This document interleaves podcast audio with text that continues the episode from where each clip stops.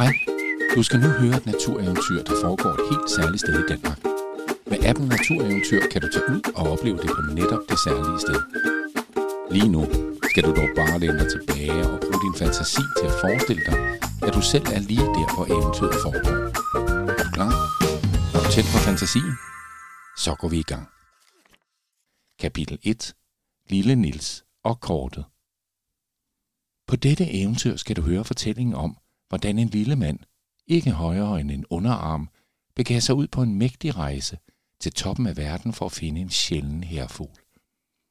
Den lille mand, som hed Lille Nils, havde til alle tider boet på loftet af den lokale skole i Herfølge.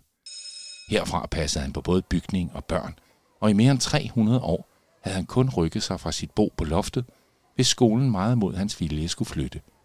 For som Nils sagde, hvis skolen flytter, så flytter Nils med. I disse dage havde Niels dog flyttet sig meget. Alt for meget. Rundt i hele byen havde han vandret på sine små ben, for at finde den sjældne herrefugl, bønderne havde set flyve omkring. For det duede ikke, at netop denne fugl skulle slå sig ned her. Med sit lange, smalle næb og den imponerende fjerdragt var herrefuglen nok en smuk fugl. Men man sagde i gamle dage, at den også var et varsel om krig. Og den slags skulle lille Nils ikke nyde noget af. Derfor havde han lagt en plan. Han ville finde fuglen og høfligt bede den finde et andet og bedre sted at bo. Men først skulle han finde den. For at lykkes med det havde han tegnet et stort kort på jorden og markeret de områder, hvor han allerede havde let. Nu manglede han kun de fire firkanter helt inde i midten. Dem havde Lille Niels gemt til sidst, for han havde nemlig håbet, at han kunne undgå at lede der. Bag dem gemte det vilde land sig med det uhyggelige høje bjerg, som ingen mand på Nilses størrelse tog håbe på at bestige alene. Nils kiggede igen på kortet og sukkede dybt. Der var ingen vej udenom. Hvis han ville finde herrefuglen, måtte han lede fra toppen af det høje bjerg, hvorfra man kunne se hele den hvide verden. Han hankede derfor op i sin rygsæk og begav sig ud på sin rejse. Lidt modvilligt, for Nils var ikke verdens modigste lille mand. Kapitel 2. En stærk allieret. Lille Nils gik gennem skolegården, mens han gjorde sit ypperste for ikke at blive ramt af børn, som løb omkring. Heldigvis kunne Nils gøre sig usynlig, hvilket var praktisk for en lille og nervøs mand, som godt kunne lide at gemme sig for ting. Nils vidste, at han fik brug for en hjælper, hvis han skulle nå toppen af det uhyggelige høje bjerg i det vilde land og finde herfuglen. Heldigvis vidste han også lige, hvem han skulle spørge om hjælp. I bunden af skolegården fandt han pigen Lis Smed. Hun blev kaldt Lis, fordi det var hendes navn, og Smed, fordi hendes far var smed. Lis var rødhåret, havde krøller og de flotteste fregner nord for Tessebølle. Og så havde hun, ligesom sin far, nogle uhyggeligt stærke overarme. Nils havde lagt mærke til, at hun ofte sad for sig selv i frikvartererne. Så måske havde hun lyst til en ny ven og et eventyr. Halløj, sagde Nils, da han pludselig kom til syne for foden af Lis smed. Lis sprang op i luften med et vin. Kan du springe højt op i luften som Lis, og lade som om du bliver forskrækket? Måske kan du også udbryde et vin. Rolig nu, sagde Nils og bukkede til hilsen. Mig skal du ikke være bange for. Jeg er blot en lille mand på en meget stor mission. Jeg kunne godt bruge en hjælper som dig. Det er et spørgsmål om liv eller død. Da chokket havde lagt sig, og Lis smed var kommet overens med, at Nils var en meget lille mand, som kunne gøre sig usynlig, så nikkede hun ivrigt og sagde ja. Min far har sagt, at man skal hjælpe folk i nød, og samtidig så keder jeg mig noget så forfærdeligt. Du kan regne med mig, udbrød Lis, og sammen drog de to videre ud i verden. Kapitel 3. Det vilde land. Mens de gik, snakkede lille Nils og Lis Smed lystigt om alt mellem himmel og jord. Lis fortalte, hvordan det var at være for vild for de andre piger, og for stærk til, at drengene ville lade hende lege med. Lille Nils fortalte, hvordan det var at være en lille mand med meget store bekymringer. Vi må og skal finde den her sagde lille Nils til Lis. Ellers er jeg bange for, at området bliver ramt af frygtelige ulykker. Ulykkesfugle er den værste slags fugle, slog Nils fast med stor overbevisning i stemmen. Så stoppede han op. Foran dem skiftede landskabet karakter, som var det et helt nyt land, de var nået til. Kan du se, at landskabet ser anderledes ud? Herfra går det vilde land, hvor naturen gror uhemmet, og mystiske væsener har slået sig ned. Det her er det eneste sted, jeg mangler at lede, sagde lille Nils og sank en klump. Det er ikke et sted for en lille mand som mig. Nils havde allerede fortalt Lis om det vilde land, de mystiske væsener og det uhyggelige høje bjerg, hvorfra man kunne se alle afkroge af verden. Lis var dog ikke sådan at skræmme. Hop op på min skulder, sagde hun og spændte musklerne i sin højre overarm. Jeg skal nok passe på dig. Kan du også spænde musklerne i din højre arm? Så er du klar til at gå ind i det vilde land. På skuldrene af Lis mærkede Nils modet stige, og sammen begav de to nye venner sig ind ad den smalle sti i retning mod det høje bjerg.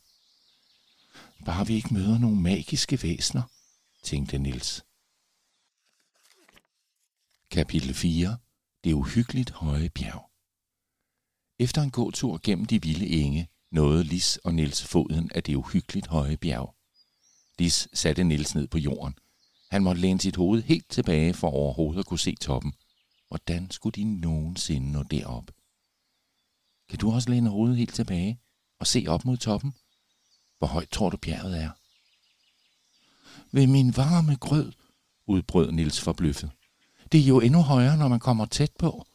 Måske skal vi bare gå hjem og håbe, at herrefuglen ikke viser sig at være en ulykkesfugl. Nils så spørgende på Lis og håbede lidt, at hun ville sige ja. Men det gjorde hun ikke. Lis rystede bare på hovedet og fnøs. Da min far minede jern i de østriske alber, så besteg han bjerge, som rakte højere op end skyerne. Det der klarer vi nemt. Hop op, sagde Lis og gjorde tegn til, at Nils igen skulle tage plads på hendes skulder. Nils var stadig i tvivl, men så hørte han noget rumstere i græsset bag dem, og han kom i tanke om, at mystiske og magiske væsner boede i det vilde land. Han skyndte sig derfor op på Lises skulder, og de to begav sig op ad bjerget. Kapitel 5. På toppen af bjerget. Helt forpustet nåede Lis smed toppen af bjerget med lille Nils på sin skulder. Nils var også blevet helt forpustet og havde krævet, at de holdt op til flere pauser undervejs. Nu tog han sig til halsen. Luften er så tynd heroppe. Jeg ved slet ikke, om jeg kan trække vejret, udbrød han fortvivlet, mens Lis satte sig på en sten for at hvile ud. Hendes numse nåede kun lige at røre stenen, før der skete noget mystisk. Kan du se stablen med sten? Kan du også sætte dig der og hvile ud? Hov, hov, lød det nede under den største sten. Man, man kan da i det mindste spørge om lov. Inden i sådan sætter jeg på nisses hus. Lis sprang op, og Nils får i dækning bag hendes ben. En lille bitte kvinde stak hovedet frem. Hun var præcis lige så lille som Nils, og havde en spids grøn hat på. Næh, ser man det? udbrød hun begejstret. En kæmpe og en nisse. Velkommen til mit bjerg. Nils kiggede forbløffet på kvinden og mærkede en underlig fornemmelse brede sig i sin mave. Hun var det smukkeste væsen, han nogensinde havde set. Han prøvede at sige hej, men ordene blev siddende i halsen på ham. Lis til gengæld havde ingen problemer med at tale. Hun bukkede sig ned, gav hånd og fortalte kvinden, hvad der bragte dem til toppen af bjerget. Kvinden lyttede interesseret. Velkommen til Nissebjerget, sagde hun så og slog ud med armene. Mit navn er Inge, og jeg holder øje med verden her fra toppen af mit bjerg. Hun kiggede sig omkring. Mm, jeg har en god og en dårlig nyhed, sagde Inge så. Det gode er, at jeg ved, hvor herrefuglen befinder sig. Den dårlige fortæller jeg på vejen derhen. Inge gjorde tegn til, at Nils og Lis skulle følge efter, og sammen begav de tre sig ned af Nissebjerget igen. Kapitel 6. En hemmelig indgang. Mens de gik, fortalte Inge den dårlige nyhed. Herfuglen befandt sig dybt inde i den dybe skov, hvor den blev holdt fanget af heksen Medusa. Medusa elskede alt, der havde med uheld og ulykke at gøre. Så længe herrefuglen bliver holdt fanget af Medusa, så er hele området i alvorlig fare for ulykker, fortalte Inge. Efter lidt tid stoppede de op foran en tyk hæk. Inge viftede med hænderne, og med et åbnede en hemmelig port, der afslørede en sti ind i skoven. Heksens hule befinder sig i midten af den dybe skov, hvor ingen går ind. Hvis vi skal befri herrefuglen, så skal der bruges mod og listighed. Medusas blik er nemlig livsfarligt, fortalte Inge. Hvis hun kigger dig i øjnene, så forvandles du med et til tre. Lille Nils sank en klump. Han vidste nu, at denne del af rejsen ikke kaldte på Lises store overarme, men på en lille mand med evnen til at gøre sig usynlig. Han rankede ryggen og sagde så modigt, han kunne. Jeg, jeg sniger mig ind i skoven og befrier herrefuglen. Til Nilses store begejstring syntes han, han kunne se en lille bitte smule beundring i Inges blik, og straks følte han sig lidt mere modig. Kapitel 7. Heksens hule da lille Nils nåede dybt ind i skoven, så han heksens hule for foden af et træ. Ved indgangen til hulen stod Medusa og rørte i en gryde. Ligesom Nils var Medusa ikke særlig stor, men han vidste, at hun gemte på en mægtig magi. En gang imellem gravede den lille heks rundt i sit hår og fiskede noget frem, som hun smed ned i suppen, hun bryggede på. Det virkede nærmest som om hendes hår var levende. Nils kiggede på alle træerne og tænkte på, hvor mange af dem, der måtte have været ubudne gæster som ham selv. Han skælvede en smule, men så fik han øje på herrefuglen, der stod i et bur inde i hulen. Hurtigt fandt han på en snedig plan, der bestod af tre trin. Trin 1. Nils proppede en finger i hvert øre, lukkede øjnene og talte til tre med viskestemme. Da han åbnede øjnene, var han blevet usynlig. Kan du også proppe en finger i hvert øre, lukke øjnene og tælle til tre? Så er du også usynlig. Trin 2. Nils fandt en gren og smed den så langt væk fra hulen, han kunne. Kan du også finde en gren? Så snart Medusa hørte lyden af grenen, lynede hendes øjne, og håret flagrede. Hun for ud for at finde den ubudne gæst, for at forvandle ham til endnu et træ til hendes skov. Trin 3. Så snart Medusa var væk, løb Nils ind i hulen og åbnede buret, hvor herrefuglen sad fanget. Herrefuglen skulle lige til at kvidre lystigt, da lågen gik op, men Nils gjorde tegn til, at den skulle være stille og følge med.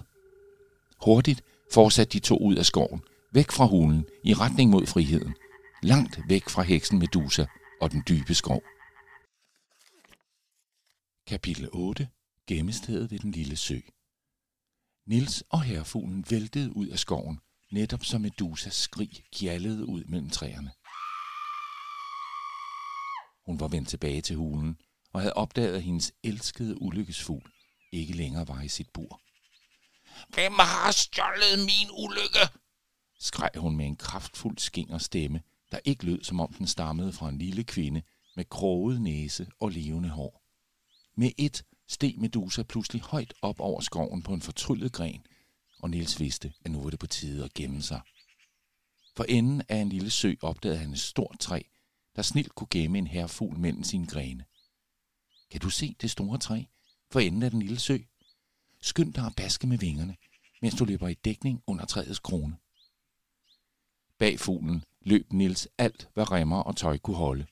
Mens han løb, tænkte han på, om Lis og Inge også var nået at komme i sikkerhed.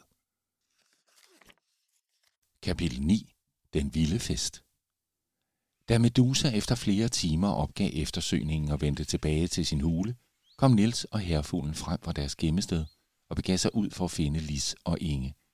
Nils tænkte, at de nok forsøgte tilbage til det uhyggelige høje bjerg. Da de nåede foden af bjerget, så de pludselig et bord, hvor der var dækket op til en dejlig frokost. Inge havde sendt Lis op og ned af bjerget, efter det forråd, der gemte sig i Inges hule. Nå, der kommer I, udbrød Inge med et smil, da hun fik øje på Nils og herrefuglen.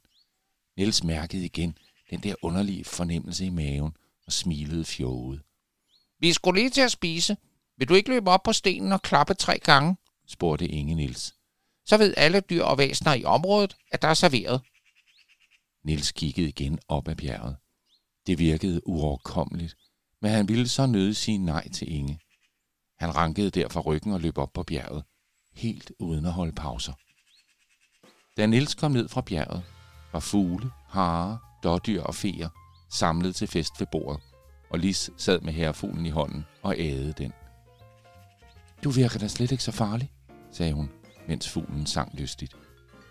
Efter en mægtig fest sagde Nils og Lis farvel og lovede, at de snart ville besøge Inge igen på toppen af bjerget. Det var et løfte, som Nils meget gerne ville aflægge. Han smilede stort, da han satte sig op på Lises skulder.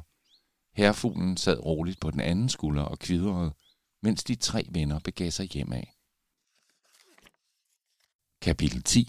Hjemme igen. Da Nils, Lis og herfuglen nåede ud af det vilde land, var Lis blevet så glad for den lille fugl, at hun nægtede at bede den høflige om at flyve væk.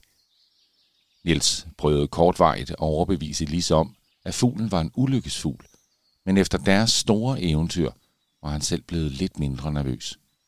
Efter kort tid lod han sig derfor overbevise om, at der nok ikke var noget at bekymre sig om. Det endte med, at herrefuglen flyttede ind hos Lis og hendes far, og Niels lærte helt selv at vandre hele vejen fra skolen og op på bjerget, når han skulle besøge Inge. Efter 50 år, hvilket ikke er det helt store i nisseår, flyttede Nils og Inge sammen. Efter lidt diskussion frem og tilbage, blev de enige om at bo halvdelen af tiden på skolen og halvdelen af tiden på bjerget.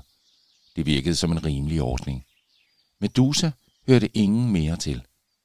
Om det var herrefuglens skyld ved ingen, men et år efter rejsen til det vilde land, blev området ramt af en mægtig ulykke, da bønder og englændere tørnede sammen i det berømte slag, Træskoslaget.